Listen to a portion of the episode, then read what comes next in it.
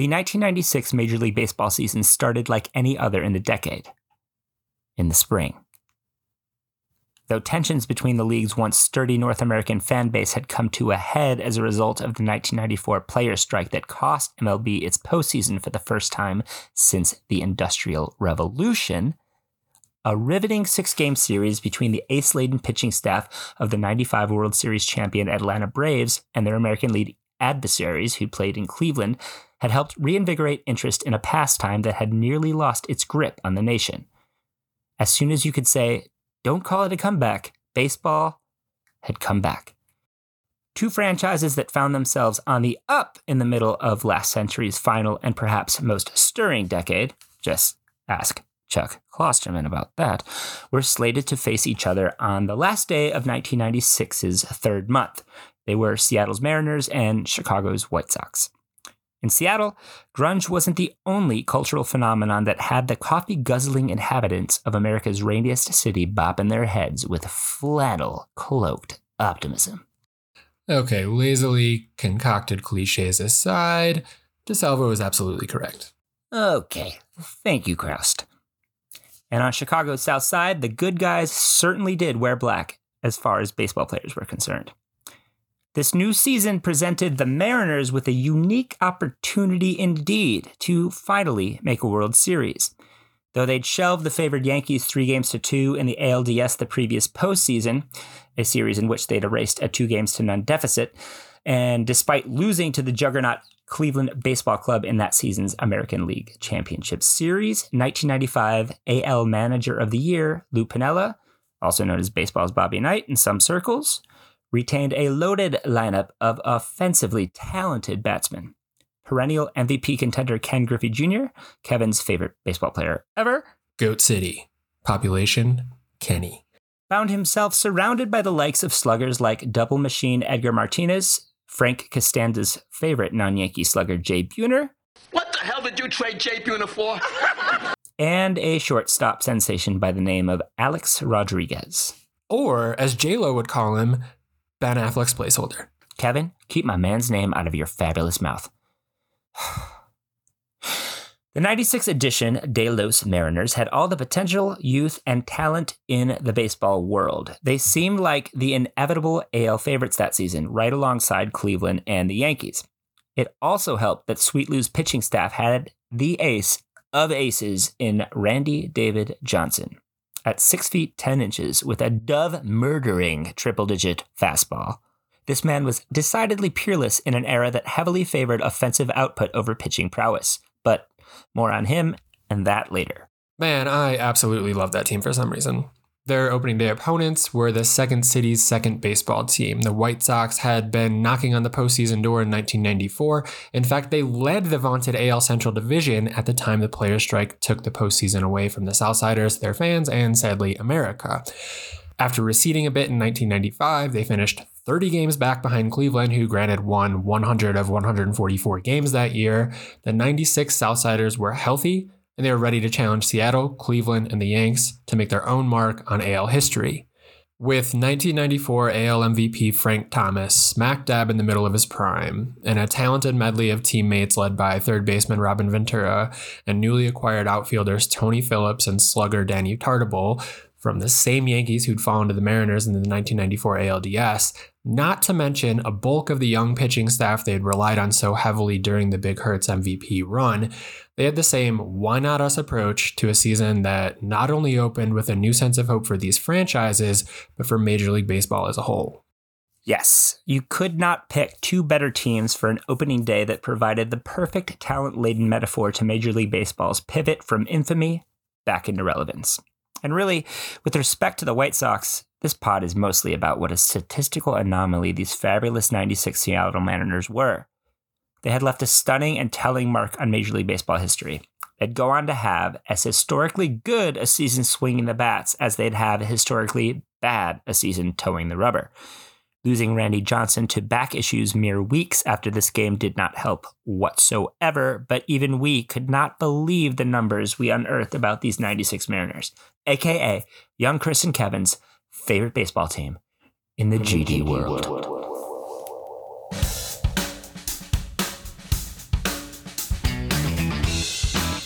I'm Chris DeSalvo. And I'm Kevin Chroust. Welcome back to the Box Score Show, a podcast created by The Analyst. We're discussing one remarkable box score each episode with all sorts of info about its relevance then and now. In terms of games, try not to be too obvious with the box scores we choose. And in terms of stats, nothing too advanced. Rather, we'll stick to the stats we all grew up understanding in box scores. After listening, check out The Analyst, where we're producing plenty of other data driven sports storytelling that is at theanalyst.com. Indeed, it is. Quick question for you, Kev. Who's your favorite baseball player ever? Well, I mean, if you listened to episode one of this show back about a year ago, you know my affinity for Mark Grace, but I, as a child, was also powerless over the allure of the swing of the incomparable Kenneth Griffey Jr. Yeah, I mean, I agree. If his swing were any sweeter, he'd be a walking cavity. Now, Chris, why the hell did we pick a game in which Griffey goes over 4? It can't always be about you, Kevin. This is the Box Score Show. Big hurt, big unit, big opening day. There are few sporting events that carry as much anticipatory weight as Major League Baseball's opening day. In 1996, the league couldn't have been more smitten with not only the fact that baseball's popularity was resurfacing after a symptomatic nosedive that it took after the 94 95 strike, but also the two teams playing on this March 31st. No doubt, veteran play by play legend Jon Miller and company could not contain their giddiness as this season's edition of Seattle's Mariners strode out to take their positions on a very artificial turf of the once towering Kingdome in the Emerald City. And who better to stand tall on the mound than Randy Johnson? If ever there was a case for not having a mound at all, it was this guy. Showcasing a formidable frame that may have been easier to process on the hardwood, Johnson's fastball topped out in the low triple digits, and his slider it just it just wasn't fair. With a three-quarter delivery that frightened left-handed batters right out of the batter's box, I'm looking for you, John Kruk. Johnson was coming off a season in which he'd fanned 294 batters in a mere 214 and a third innings with a sterling 248 ERA. That when the AL ERA in 1995 was a gaudy 471. He'd gone 18 and 2 in 1995, and manager Lou Piniella would have been run out of town had he not selected the feared hurler to get things rolling for the Mariners in 1996. By this point, if Johnson was healthy, he was going to pitch the opener. This ended up being one of Johnson's 14 career opening day starts, and while everyone else in baseball seems to be getting stretched out in late March slash early April, the big unit tended to be in midseason form. In the wildcard era, an opening day pitcher has thrown 125 pitches or more seven times. Five of those were Randy Johnson. In those 14 opening day starts of his, 12 were of the quality variety. He went 7 and 2 with a 249, 107 Ks in 97 and two thirds innings. He was the king of the Kingdome, but also the king of opening day. No argument there. White Sox manager Terry Bevington was no doubt indebted to his front office for making his choice for leadoff man on this evening quite easy. Member of the 1989 world champion Oakland Athletics, a slew of competitive early 90s Tigers ball clubs, and most recently the California Angels, the savvily switch hitting Tony Phillips, who'd posted an OBP of 415 over the course of his last three seasons, averaging just 5.57 plate appearances per walk in that span. In fact, he led the majors in walks in 93 with 132 bases on balls and would tie for third in the league in that same department in 96, walking 135 times, which would tie him with Rickey Henderson. Behind Jeff Bagwell and Barry Bonds, also pretty good players in their own right, I guess. And in Phillips' first plate appearance of the season, Johnson walks him. Then Ray Durham quickly becomes Randy Johnson's first strikeout victim before the offensive Ying to the big unit's pitching yang strolls into the batter's box. Frank Thomas, aka the Big Hurt, aka Big Frank, aka Franklin Delano Thomas, had wasted very little time in establishing himself as one of the preeminent run producing hitters in all of baseball by the time the 90s had reached its halfway point. After breaking in with the White Sox in 1990, he'd rattled off five consecutive seasons during which his OPS would register at no less than 1048. All the while, he slugged 175 homers, 174 doubles, scored 526 runs, and drove in 564. More frosting on his cake of success? Certainly. Why not? It was a gluttonous time for America. Big Frank also drew 674 bases on balls against a mere 389 strikeouts in this time span. That is crazy. These kinds of numbers are why we do this show. And they also make you forget the fact that he was caught stealing 12 times in 28 attempts. Frank Thomas stealing bases. What do we think of next? New Velcro? when he, the big hurt, stepped in to face Johnson, the big unit, he wasted no time in giving the White Sox the lead. You know what? Let's give it to Hawk Harrelson for the audio. You can put it on the board! Yeah, so Big Frank absolutely tattoos Johnson's first offering, and it is instantly a two to nothing ball game. Thomas was a patient hitter, but he also raked on the first pitch in his career, batting 350 with 74 of his 521 career home runs. On the first pitch, that's nuts. There's also the matter of Thomas hitting Johnson pretty well in their matchups throughout his career. To boot, he's one of four players to homer off him five times, with Chipper Jones the only to do it in six such occasions. Thomas did it in 43 at bats with a very Frank Thomas like 11 walks and a nice little 628 slugging percentage against Johnson. That's second to Manny Ramirez amongst players with 50 or more plate appearances against the big unit. Man, baseball stats are great. Back to the action though. The Sox recent import from the Yankees, Danny Tartabull, who also happens to have been George Costanza's coworker. Hey, don't embarrass me today. I got some friends in the stands, huh? then pushes Johnson to another full count. It's another walk. Georgie Boy will take it, just as Danny does here. The Kingdome crowd is shook. Two walks, a two run homer, and still just a single out. The big unit doesn't blink, however, and gets two more Ks to get out of the inning. All in all, despite the damage, RJ's got three Ks through an inning of work. But also, his Mariners are in a 2 0 hole before getting their first at bats of the embryonically young season. To face the Mariners' vaunted batsman on this opening day was sizable, though not to his pitching opponent's Himalayan status, perhaps, right hander Alex Fernandez. The 6'2, 200 pound hurler had pieced together a respectable stat line through his first six seasons in the majors, all of which he spent with the Sox. And despite Fernandez's 3 and 1 record at the Kingdome to this point in his career, the righty had made just one previous opening day start, a season earlier in which a very bad Milwaukee Brewers team put up 8 runs, 4 all earned in the first inning on him before soon to be fired manager Gene Lamont yanked him after just two and one thirds inning of work. All in all, for that day, he surrendered five hits and five walks, throwing just 69 pitches and accumulating an obese 13.50 earned run average. A start Alex would just as soon choose to forget. A year later, Fernandez gets out of the Mariners half of the first with no damage done. Though Griffey walks on a full count to bring up RBI machine Edgar Martinez, Edgar flies out to right, and the game settles into the pitching duel that some may have expected. White Sox catcher Ron Karkovice manages to push RJ to a full count to start off the White Sox second before eventually fanning. He'd do this exclusively in this game. Kark faced Johnson 29 times in his on again, off again hitting career, fanning 13 times, five of which came in this game. Yeah, not a great night for the tobacco chewing enthusiast. Darren Lewis becomes strikeout victim number five before Ozzie Guillen grounds out to former double play partner and future bench coach of his very own 2005 White Sox, who won the World Series, by the way the Joey Cora to end the frame. Now, not enough has been said about Louisville, Kentucky export Jay Buhner. Just ask George Costanza's dad, Frank. He had 30 home runs, over 100 RBIs last year. He's got a rocket for an arm. You don't know what the hell you're doing. So true, but Jason Alexander's easily irritable fictional father neglects to mention Buhner's offensive Achilles heel, striking out and not hitting for particularly sexy batting averages. Jay was just a lifetime 254 hitter who averaged 155 Ks per 162 games. That said, Buhner's 1996 season could be placed up against anyone, as I'm sure the senior Costanza would insist loudly. He'd wind up with a 926 OPS for the campaign to go along with 44 homers and 136 RBIs in 150 games.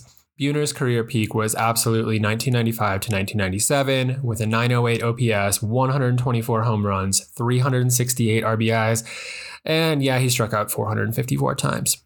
Now, he does get aboard to start the Seattle second and eventually reaches third base on a wild pitch. He's still standing on third base when catcher Dan Wilson strikes out looking before the Mariners can get on the board. Now, this is in part because Buhner's knees were made from an underdeveloped alloy and a questionable epoxy. Frank Costanza, maybe this is the misinformation that led the Stein to trade Jay across the country. Fernandez is as settled in as a puppy in a basket and Johnson's focus could be likened to a magnifying glass held over an ant hill by this point. Though Ray Durham touches Johnson for a double in the third, the big unit sends the big hurt back to the dugout this time with his sixth K of the night. And though Joey Cora gets a board for Ken Griffey Jr.'s second at bat of the game with a chance to even the game up with one perfectly engineered swing, he lines straight to Durham and left, and the Sox remain up two to nothing through three full innings. Johnson back on the mound, he quickly makes absolute fools of Lyle Mouton and Robin Ventura, who fans looking on three straight 99 or 100 mile an hour offerings. And our boy Ronnie Kark again pushes Johnson to a full count. But yeah, he of course becomes Randy Johnson's ninth K victim through four innings. Jump ahead to Seattle's fifth, and A Rod, who's batting ninth in this game, strikes out.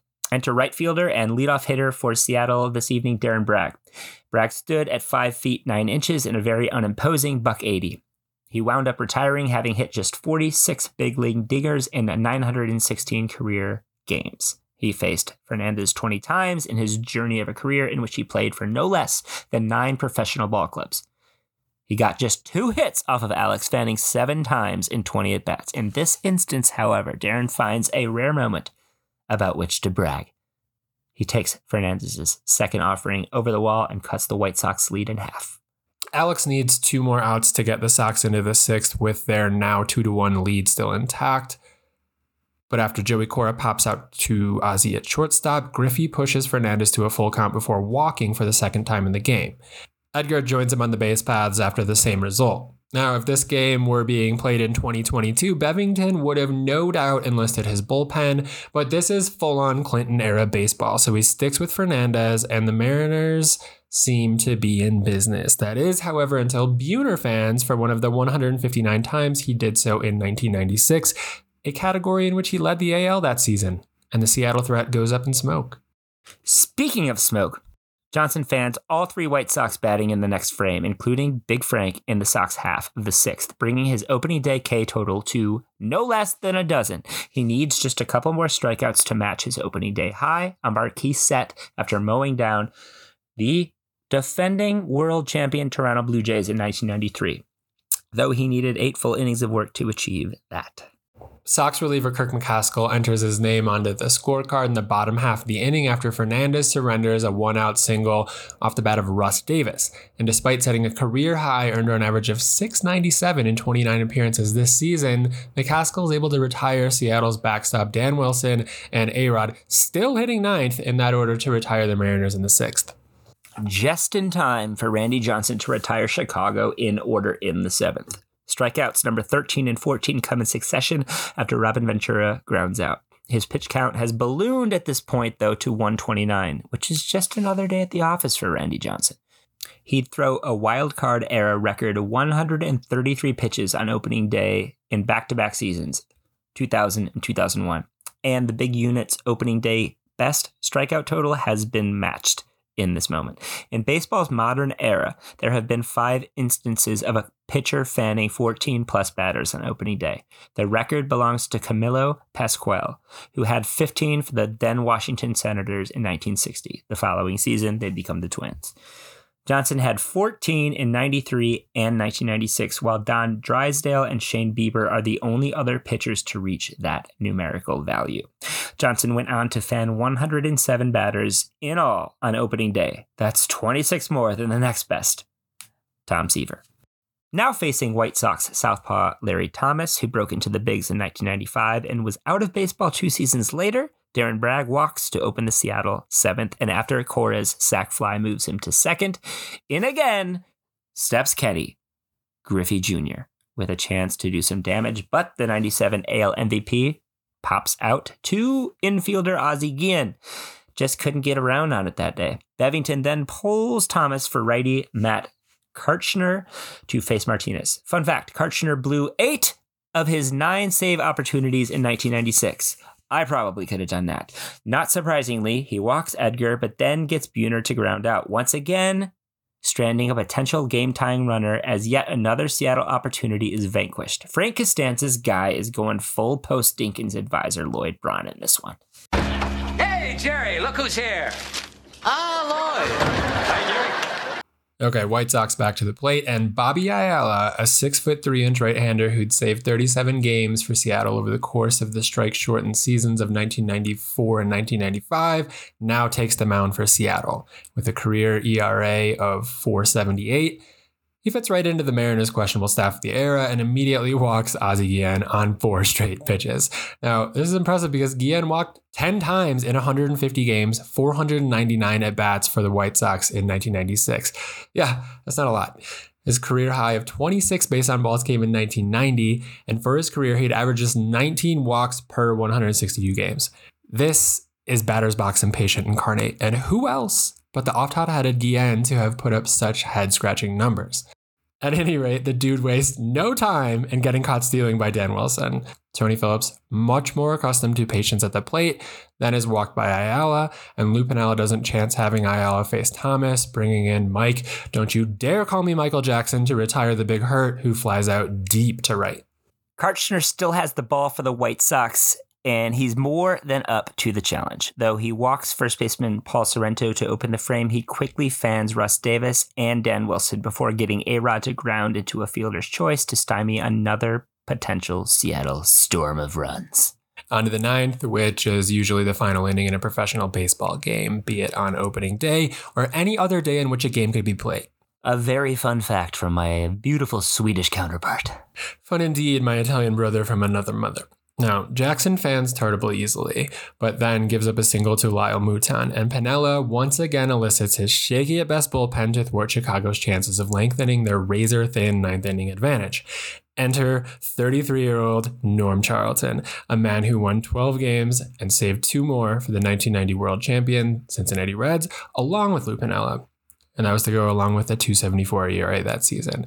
After converting 18 of 21 save opportunities for the 1993 Mariners, Seattle brought him back in late 1995, and he was a sensation down the stretch for that 1995 AL West Championship team, saving 14 games and 15 chances, 58 Ks, 48 and two thirds innings, and a microscopic earned run average for that era of just 151 though Charlton's ERA would balloon to 404 by Seattle's 1996 finale, and he'd somehow save 14 more games for the 97 Mariners with a 7.27 ERA that season. He quickly gets Robin Ventura to ground into a double play to get the Mariners out of the top of the ninth without incurring any further damage. Lefty Joe Magrane is brought on to face the Mariners in the bottom half of the ninth. Why Bevington went with a man who'd never saved nor been brought in with an opportunity to save a game in his whole career to this point or after this is beyond me.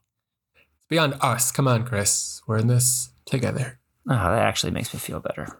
He did find some early career success in St. Louis for the Cardinals as a starter. Hell, he even went 18 and 9 for the Cardinals in 89 with a 2.91 ERA. But after walking Luis Sojo, who's pinch hitting for Darren Bragg in this occasion, on four pitches to open the Seattle half of the ninth, things get dicey. Alex Diaz is brought in to pinch run for Sojo, who is brought in to pinch hit for Bragg, and on Joe's next pitch gets by Karkovice and Diaz takes second. Joey Cora then lofts a single into shallow right field, and Diaz makes it to third on this play. And in steps Ken Griffey Jr., who once again makes an out with a chance to do some damage. Kevin, 12 year old Kevin, however old he was at this time, just he, he, he was beside himself. He was sitting next to himself watching the game. but Griffey was not alone in stranding base runners in this game. Seattle left 17 runners on base on opening day 1996. It's the most they'd strand all season. Roberto Hernandez is then called in from the pen to face Edgar Martinez. And to no one's surprise, Edgar laces a double down the right field line, bringing every paying and able Mariners fan to their feet because when Diaz crosses home plate, the baseball game is tied. The play at the plate isn't close, but Karkovice, perhaps feeling bad for striking out in each of his trips to the plate this evening, guns down Cora, who's trying to take third base on the play. So now there are two outs. Buhner is intentionally passed despite not being a factor in any of his previous at bats. And then pinch hitter Doug Strange flies out to left field, stranding Buhner at first base. Into extra innings we go. Charlton strikes out the side of the Sox in the top half of the 10th, and Hernandez settles in for Chicago after walking Davis on four pitches in Seattle's half of the 10th and gets Wilson to sacrifice fly out. And though Davis makes it to second base, that's where he stays. A Rod, now 0 for 5, grounds to Ozzie at short and Diaz fans.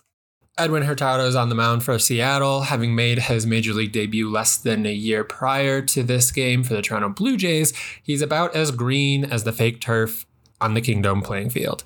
His ERA, his rookie season in Toronto was 545 in 14 games. It would swell to 774 in 16 games for these 96 Mariners, and then to 9.00 in 13 games for Seattle in 1997. That's where it ended. He never pitched another Major League Baseball game in his life. But this evening, he was most certainly the man for the job. He gets Tony Phillips to fly to Griffey in center, he walks Durham, and then surrenders a Frank Thomas single to center field, but not before Dan Wilson guns down Durham trying to steal third.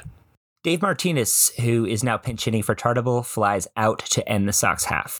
Bill Simas takes the ball for Chicago in the bottom half of the 11th, and in his career, he'd blow 21 of his 44 save opportunities. So Bevington's just earning his paycheck tonight. He walks, all the strings. yeah, he, he walks Cora to start Seattle's 11th, gets Griffey to foul out to Ventura, Robin's only real contribution of the day, and then gets big help from the Big Hurt, who makes an unassisted double play on Edgar's grounder to first to send this opening day game into the 12th inning. Norberto Martin leads off the Sox 12th. He's pinch hitting for Mouton, who'd gone one for four with three Ks, so no real loss there. Martin grounds to first, then Ventura fans on three straight pitches, and Ron Karkovice then strikes out for the fifth time in his first five at bats of 1996.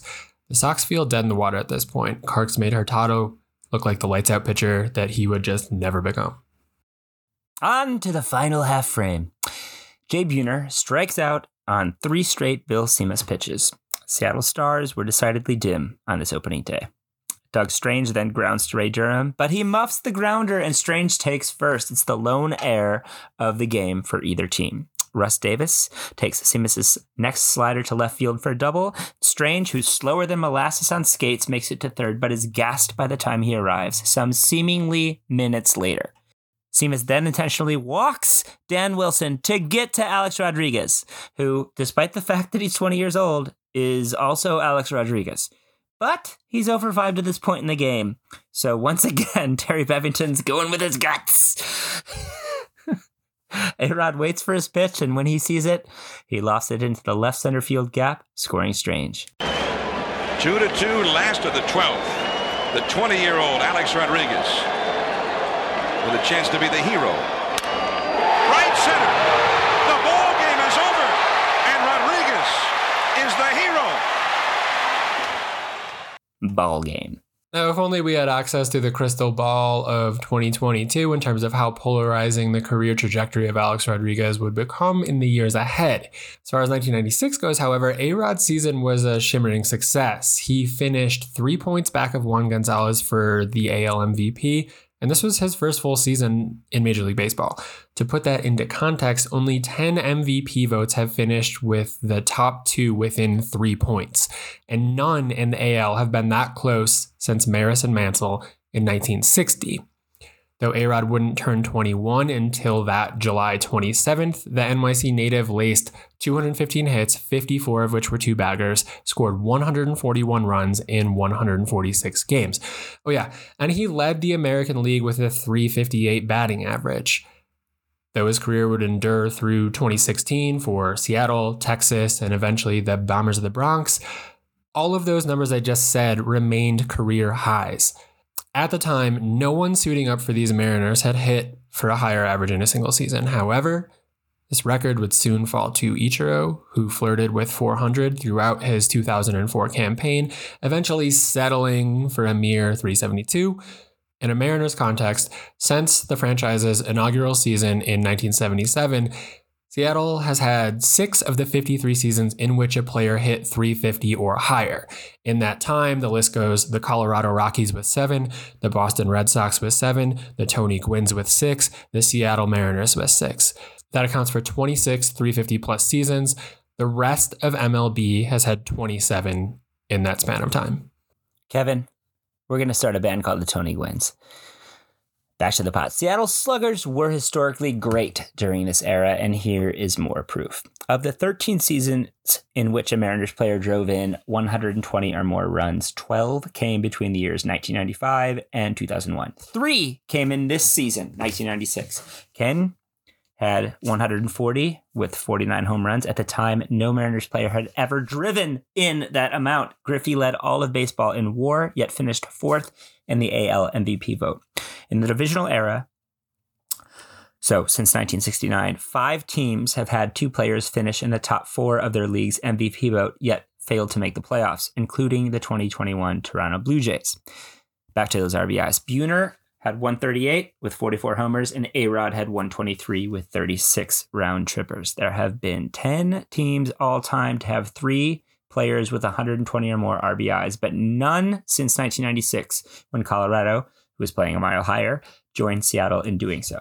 Prior to that, no team had done it since the 1953 Brooklyn Dodgers, Larry David's favorite team of all time. Edgar Martinez drove in 103 runs in 1996, which isn't great for him. Uh, but that did give the Mariners four batsmen to breach the 100 RBI barrier. Junior, despite being non consequential in this game, had a 1020 OPS in 1996, which is the second best of his Hall of Fame career at that point. Yet it was third on this team behind A Rod and Edgar. Context is, my friends, everything.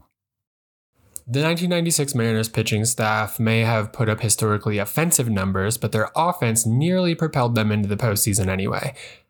They led the majors in runs, 993, doubles, 335, RBIs, 954, and slugging percentage, 484. I digress. As we mentioned in the open, these Mariners were just as trash on the mound as they were excellent with the bats. Losing Randy in May didn't help. Johnson had eight total starts that season, the second lowest of his career, after he started just four baseball games for Montreal in his rookie year of 1988. Now, he appeared in 14 games in all in 1996, coming in as a relief pitcher down in the final stretch of the season, albeit sparingly. His 61 and a third innings pitch that season was his lowest since that same rookie season in Montreal. His second lowest was 56 and two thirds in 2007 when he was 42 years old, or as Tom Brady would call it, puberty. He still managed in 1996 to total 85 Ks with a 367 ERA. Bit of a random one here, but one of his two career saves came that season in his handful of relief appearances as well. His only other save came in 1993 for Seattle. This essentially lost 1996 season was sandwiched between two exceptional seasons for the big unit. In 95, he went 18 and 2 with a 248, 294 Ks and 214 and a third innings pitched. Jump ahead to 1997, he goes 20 and 4 with a 228, 291 Ks, and 213 innings pitched. So he essentially lost a season during his prime. And it's interesting to note Randy Johnson finished his career with 4,875 Ks. So he was 125 Ks shy of 5,000. Had he pitched even most of that season, he may have reached that number. Sure, his absence may have cost these Mariners their legitimate title chances, but it also could be argued the rest of their pitching staff would have been absolutely lit up by the 1996 Yankees, who won the World Series with Rookie of the Year Derek Jeter. Valid AF. Lastly, RJ also definitely had the White Sox number in his career, and especially at this stage of it. Johnson went 12 and 4 with a 3.08 ERA against a career ERA of 329 in 20 starts against Chicago's American League franchise. This is one of five straight starts versus the White Sox. He fanned 10 or more batters. In their very next meeting, he struck out 19. The White Sox hit just 193 against him in his career amongst teams he started 15 or more games against. That's the lowest average. As for the rest of the woefully underdeveloped Mariners pitching staff, uh, they just basically put a guy out there and dealt with the consequences later. They only had three pitchers throw 100 innings that season. It was the worst starting pitching in franchise history with a 5.70 ERA. Prior to this 96 campaign, no MLB team had ever won 85 games and had an ERA in their losses as high as the Mariners did this year. Their ERA in losses was 7.36. The rotation had the 24th worst ERA in the last century for a pitching staff, yet the Tigers starters had a 6.64 ERA that year. But yeah, they went 59 and 103. These Mariners were next worst, despite winning 37 more games. And by 37, I mean 27 more games. Yeah, Chris, we could split this any number of ways. The Mariners that season, yeah, they're the only team in the history of baseball to win 85 games with a total staff ERA, not just starters, of 520 or higher. Only 12 teams have won 82 games with a 5.00 ERA or higher. An interesting team of note along with this, the 1999 Rangers won 95 games with a 507 ERA. Yeah, so perhaps why A Rod bolted to Arlington in 2000.